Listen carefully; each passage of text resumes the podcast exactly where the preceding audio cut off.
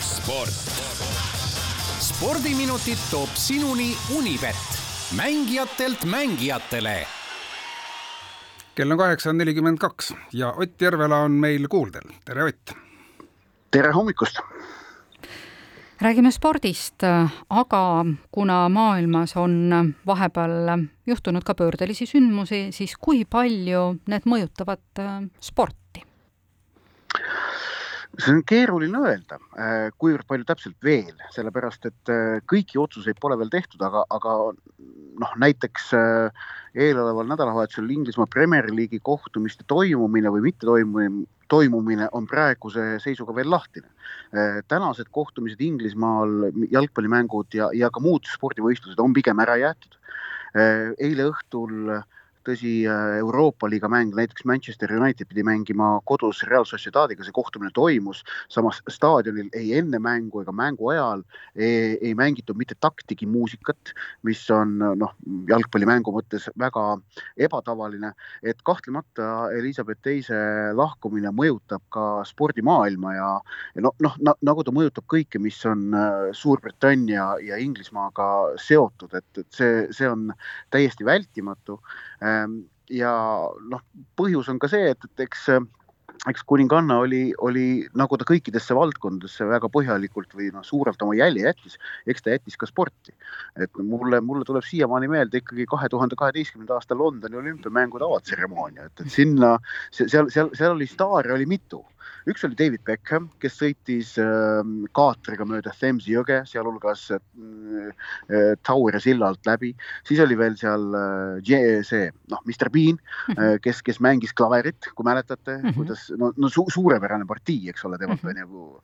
ja, aga oli üks staar oli ka Elizabeth Teine, kellele läks järele James Bond ja see on väga meeleolukas ja, ja tore video ka, mis tegelikult seda on võimalik täiesti läbi Youtube'i kõigil vaadata ja, ja ma ütleksin, et seal on veel paar staari selles, selles klipis, need on äh, kuninglikud korgid jaa, absoluutselt tõsi. Äh, nad, nad noh, kogu see asi oli tehtud niivõrd stiilselt. Mhm. ma mäletan, ma olin ise Londoni olümpiastaadionil seda avatseremooniat jälgimas ja kajastamas ka.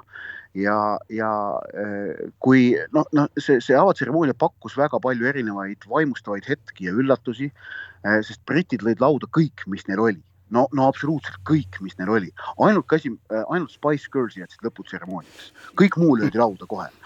Äh, äh, ja, ja, ja, ja siis, ja siis, kui jõudis kätte see, see, kuidas James Bond sõidab, noh, Daniel Craig mängis James Bondi ja sõitis oma selle autoga sinna Buckinghami paleesse ja kõnnib sealt treppidest üles ja noh, kõik noh, on nagu aimata, et noh, et no nüüd seal keegi mängib kuningannat. Ja see on see, et ma mäletan, staadionit läbis kahin no ei ole võimalik, et see on tema seal, no ei ole võimalik, et see on tema. ja siis, kui, kui selles videos ja soovitan kõigil tõesti Youtube'ist võtta see viis-kuus minutit ja, ja vaadata see üle. ja siis, kui ta, kui, kui, kui Elizabeth teine pööras ümber ja kõik nägid eh, seal ka Londoni olümpiastaadionil üle maailma teleülekandel, et see oligi tema, siis see vaimustuse hõige, see oli, see, see oli, see oli, see oli vägev ja, ja britid oskasid selle välja mängida ja, ja noh, ega, ega, ega sellist äh, vägevat äh, hetke ilma peaosalise nõusoleku ja sellise mõnusa huumorimeeleta ju ei sünni.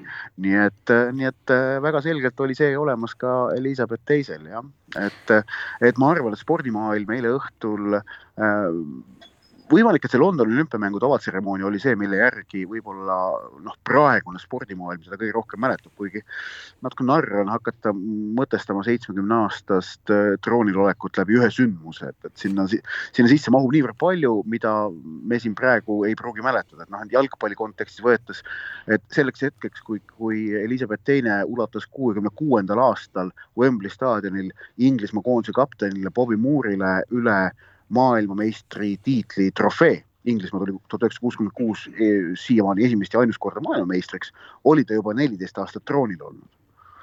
ja sellest MM-koondisest, mis, millega Inglismaa toona võitis, praeguseks peaks olema elus kas kaks või kolm mängijat veel, ülejäänud, ülejäänud on juba lahkunud aga meil on teisi spordisündmuseid, millel me peame peatuma. Elizabeth Teine oli ka suurepärane autojuht, nii et räägime autorallist ja Kreeka rallil on teine, noh siis eile õhtul sõideti publikukatse ja täna hommikul just äsja on lõppenud siis esimene selline täispikk kiiruskatse, ligi kaheksateist kilomeetrit seal pikkust oli.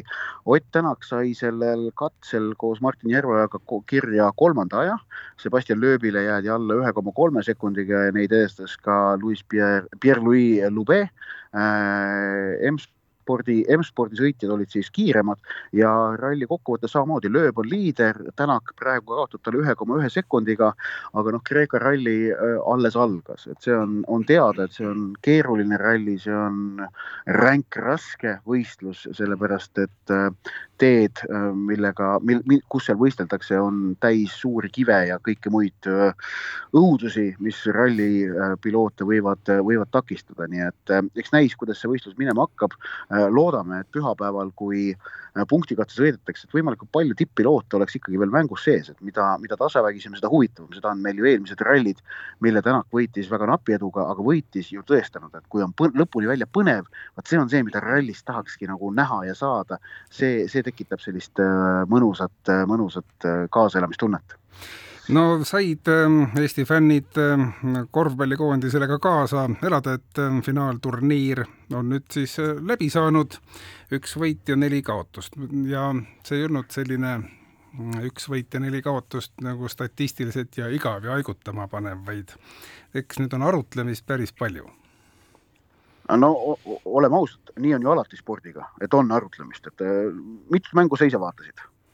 no tegelikult mitte ühtegi oli nii. tema on arutlejate poole peal. mina olen arutlejate poole peal.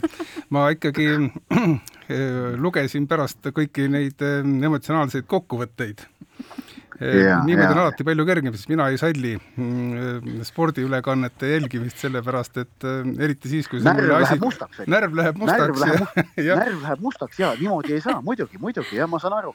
ega, ega, ega see nõrk närvisüsteem tippspordi jälgimisele kasuks ei tule, see on muidugi, see on muidugi tõsi ja ma, ma noh, tunnen kaasa, tunnen kaasa, aga, aga, aga Eesti korvpallikoondise EM-finaalturniirist rääkides, siis noh, noh jah, kaotus on kaotus ja protokolli pannakse alati kirja see konkreetne tulemus, aga, aga ma nagu ausalt, noh, ma, ma olengi selline ka tippsporti jälgides see klaas on pooltäis inimene, mitte klaas on pooltühi.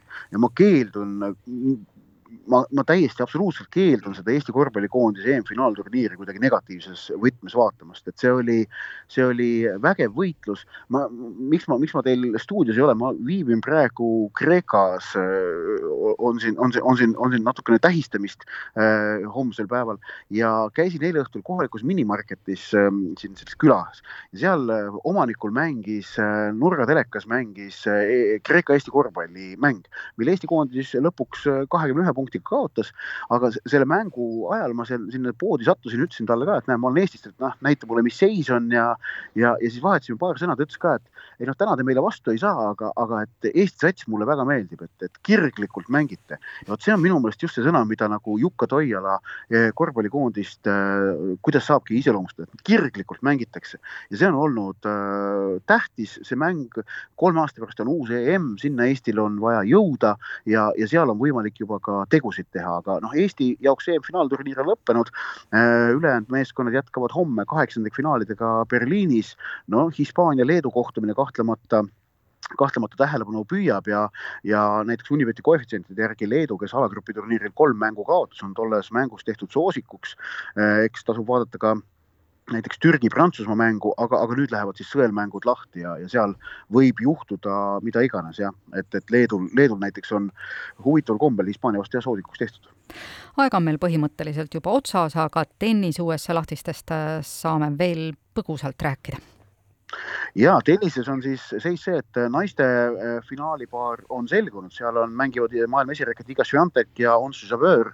Iga Swiateki võidušansse hindab Unibet kuskil kuuekümne viiele protsendile, nii et äh, suhteliselt tasavägist kohtumist on oodata. Ja meeste üksikmängus on seis siis selline, et ähm, äh, norralane Kasper Ruud mängib Karen äh, Katšanoviga äh,, kes siis võitis veerandfinaalis Nick Kirgiost, kes seejärel peksis puruks mitu reketit keset väljakut kenasti, väga viisakalt käitus, surus vastasel käe ära kohtunikul ka käe ja siis läks, alles siis läks reketeid puruks peksma, on ju, inimene, inimene ikkagi võtab nagu asja noh, õiges järjekorras, õiges järjekorras, vot. ja, ja teises poolfinaalis Carlos Alcaraz, kes möödunud öösel väga pika veerandfinaali võitis, mängib Frances TFO-ga ja, ja Alcaraz ja Ruud, emb-kumb, kui neist emb-kumb võidab USA lahtised, siis on tõuseb ta ka maailma esireketiks. aitäh, Ott Järvela, näeme juba teisipäeval. Teeme nii sport.